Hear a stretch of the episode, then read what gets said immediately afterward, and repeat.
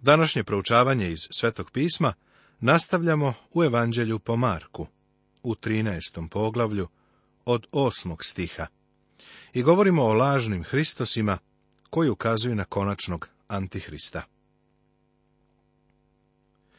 Jer će ustati narod na narod i carstvo na carstvo. Biće zemljotresa po raznim mestima, biće gladi. To je početak nevolja. Čovjek danas smatra da je vrlo civilizovan, jer posjeduje tako mnogo naprava. I misli da od sveta stvara divno mesto. Onda iznenada otkriva da samo zagađuje zemlju i da će je načiniti nemogućom za stanovanje.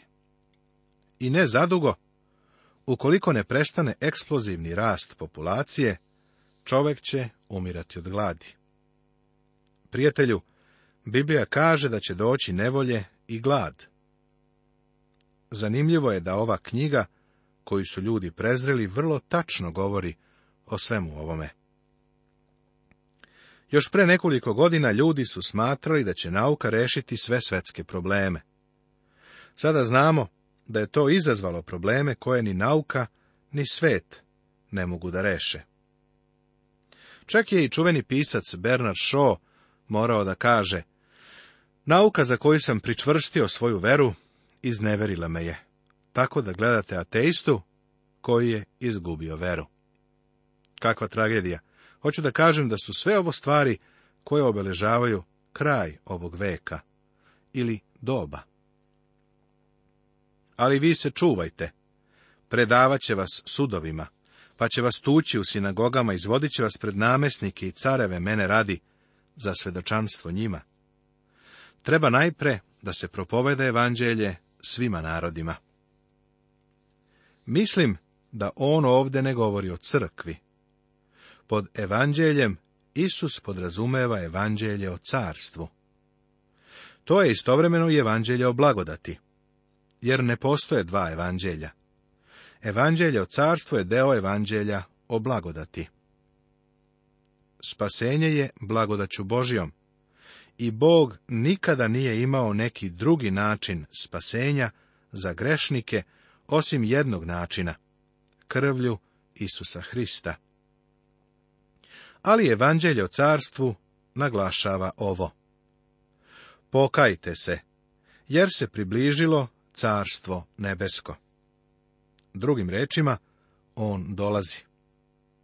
I kada to oni u to vreme budu govorili, Nastupit će vreme velike nevolje i sve će biti upravo tako. A kad vas vode i predaju, nemojte unapred brinuti šta ćete govoriti, nego što vam se da u onaj čas, to govorite, jer nećete vi govoriti, nego duh sveti. Ovo nije stih za lenjog propovednika, koji će ga koristiti kao izgovor da ne spremi propoved. Sećam se jednog svog prijatelja iz Teksasa u Americi, koji mi je rekao da je jednoga jutra bio u gradiću templu.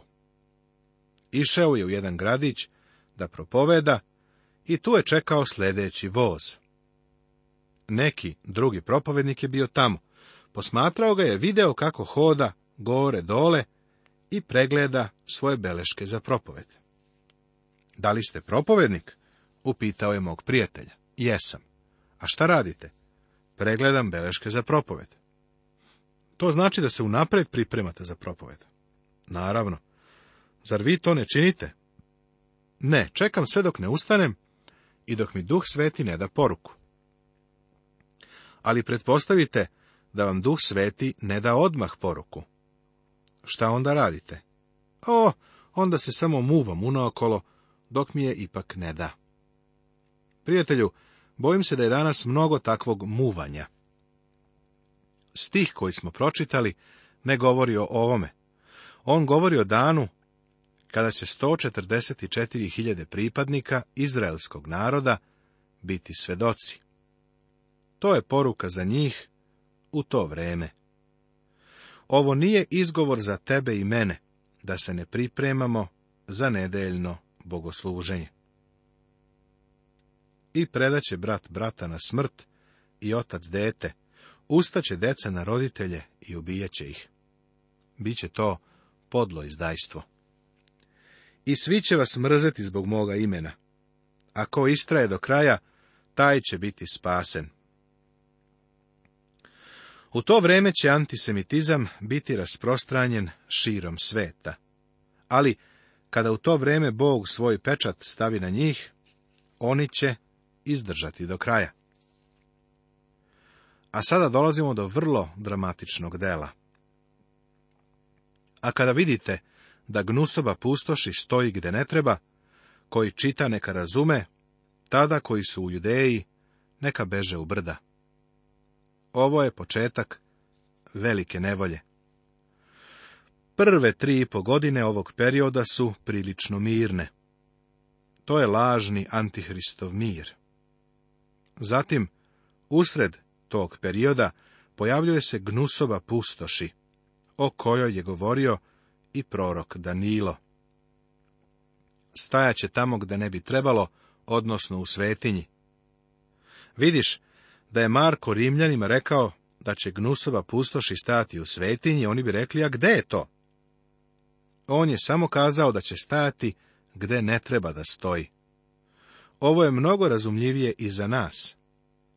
Vidiš, treba da shvatimo da je svetinja data jedino izraelskom narodu.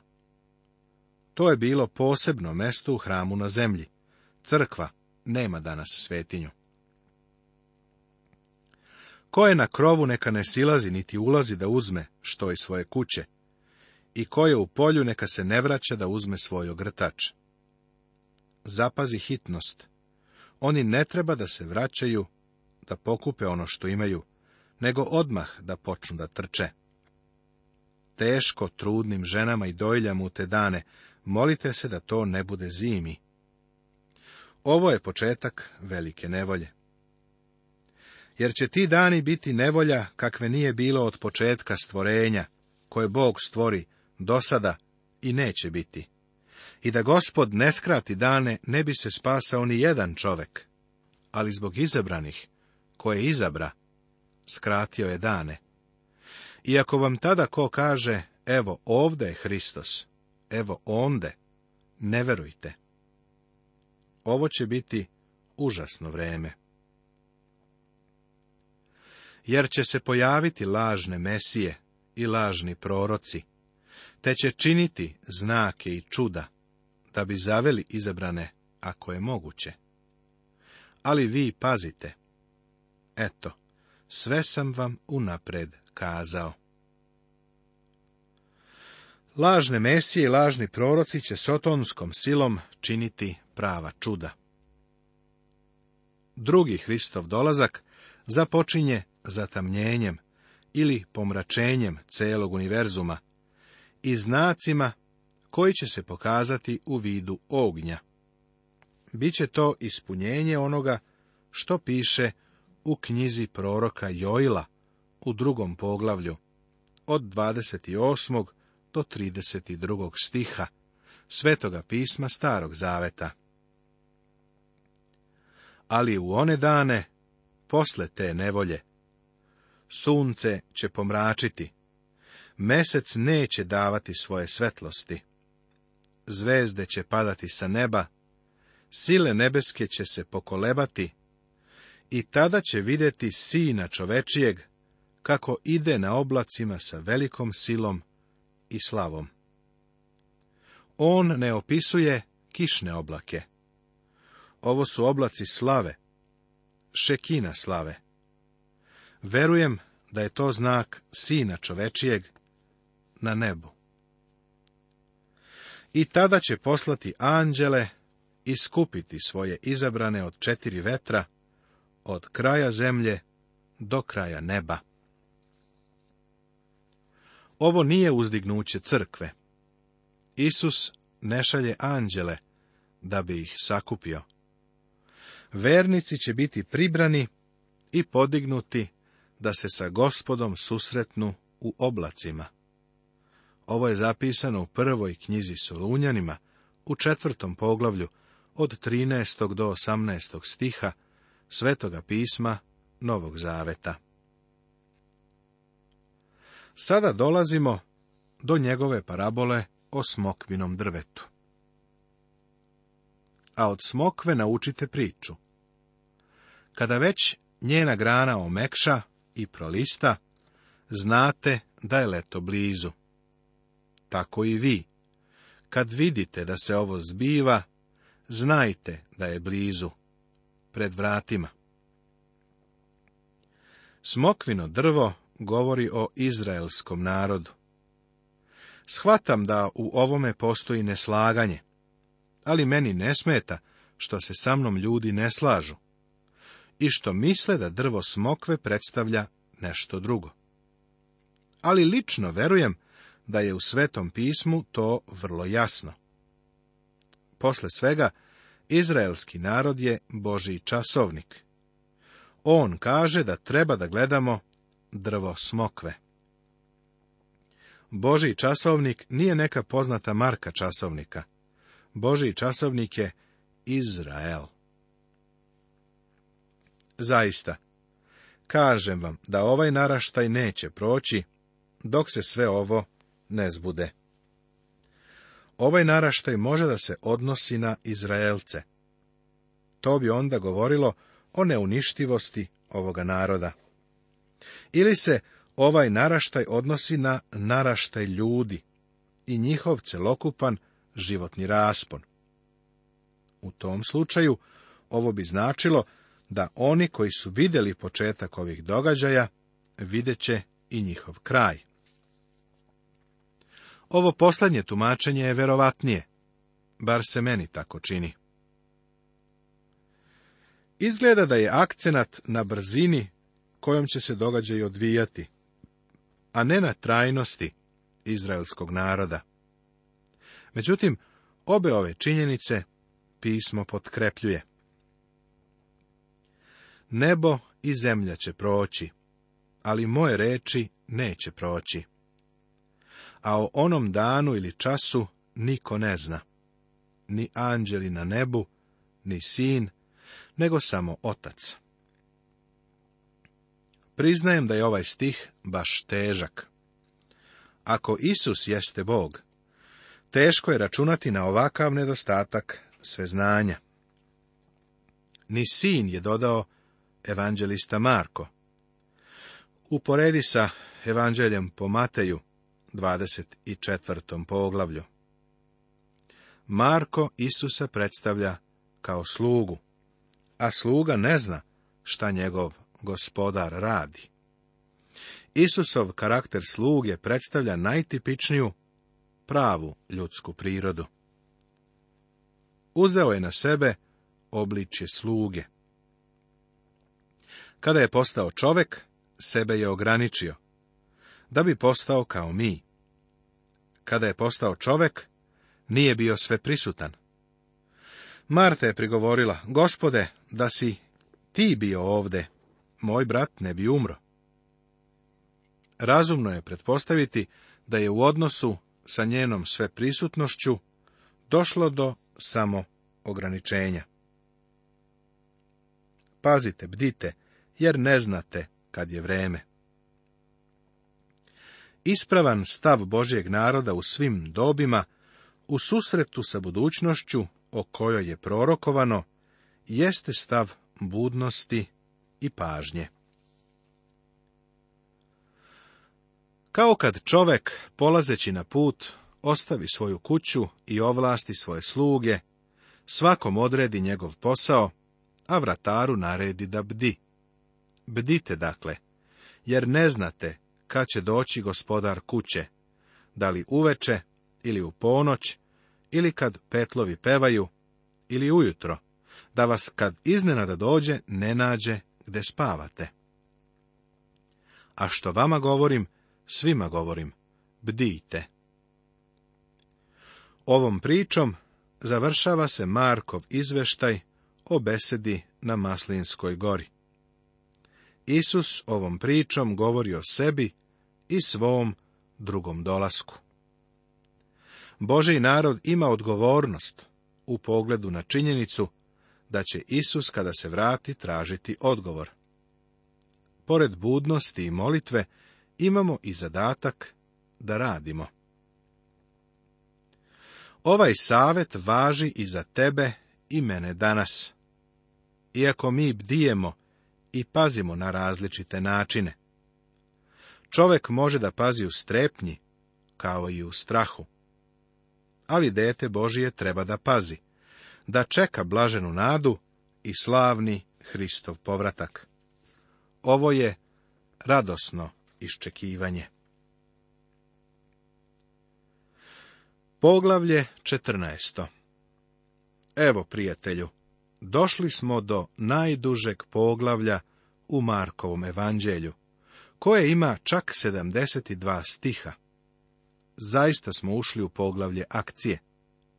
Međutim, više nije Isus taj koji sprovodi tu akciju. Sada drugi nad njim deluju. Njegovi prijatelji i neprijatelji. Došlo je vrijeme da on bude predat.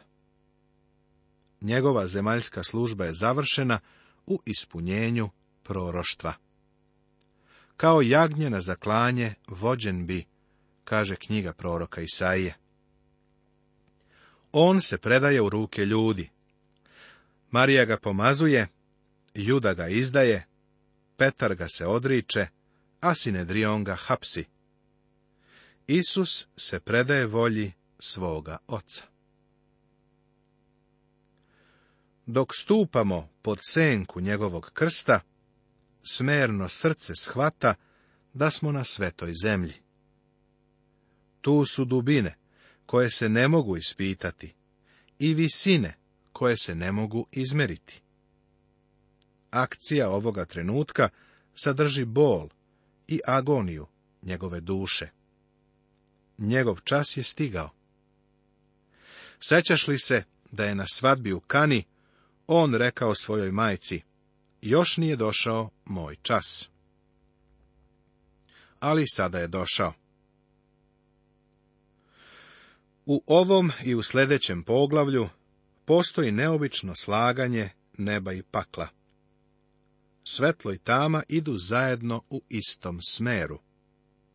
Pravednost i greh idu ka krstu, a Bog i Sotona su odlučili da Isusa treba razapeti. A tu su i pojedinačne odluke koje se nadvijaju nad krstom. Tako je sve do današnjeg dana. Evo pregleda ovog poglavlja. Prvo. Prvo sveštenik i pismoznanci smeraju zaveru da ubiju Isusa. Drugo. Marija iz Vitanije izliva mirisno ulje na Isusovu glavu. Treće. Juda planira da izda Isusa.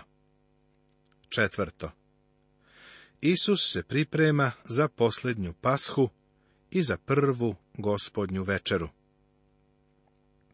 Peto. Petar daje obećanje o svojoj vernosti. Šesto. Isus se moli u Gecimanskom vrtu.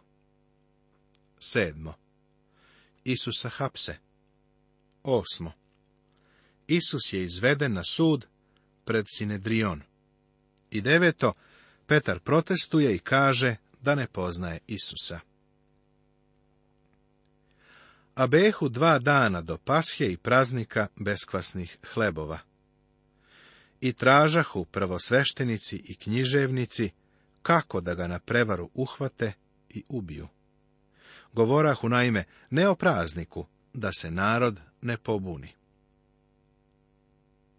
Pasha se praznovala 14. dana prvog meseca, a to je jevrejski mesec Nisan, koji odgovara našem aprilu. 14. dana prvog meseca uveče vazam je gospodnji, piše u trećoj knjizi Mojsijevoj, u 23. poglavlju, u petom stihu, svetoga pisma Starog Zaveta. Zatim je praznik beskvasnih hlebova, bio 15. dana istog meseca i trajao je sedam dana. A 15. dana istog meseca praznik je presnih hlebova gospodu. Sedam dana jedite hlebove presne. Ovo je zapisano u trećoj knjizi Mojsijevoj, u 23. poglavlju, u šestom stihu. Mislim da je namera ovih jedanaest vođa bila da Isusa uhvate na završetku pashe, kada narod već ode iz Jerusalima, i tek onda ga ubiju. Rešili su da to ne rade na praznik, odnosno za vreme pashe, ili praznika beskvasnih presnih hlebova, koji je trajao sedam dana. Vidiš, po završetku tih sedam dana, ljudi su počeli da napuštaju Jerusalim pa su tada Isusovi neprijatelji želeli da ga uhvate i pogube. Nisu htali da ga diraju u toku praznika, jer su se plašili uzbune i narodnog besa. Masa naroda je bila u Jerusalimu u toku praznika, a ljudi su vrlo cenili Isusa. Običan narod ga je rado slušao, a on ih je hranio i isceljivao. Nastavit će se.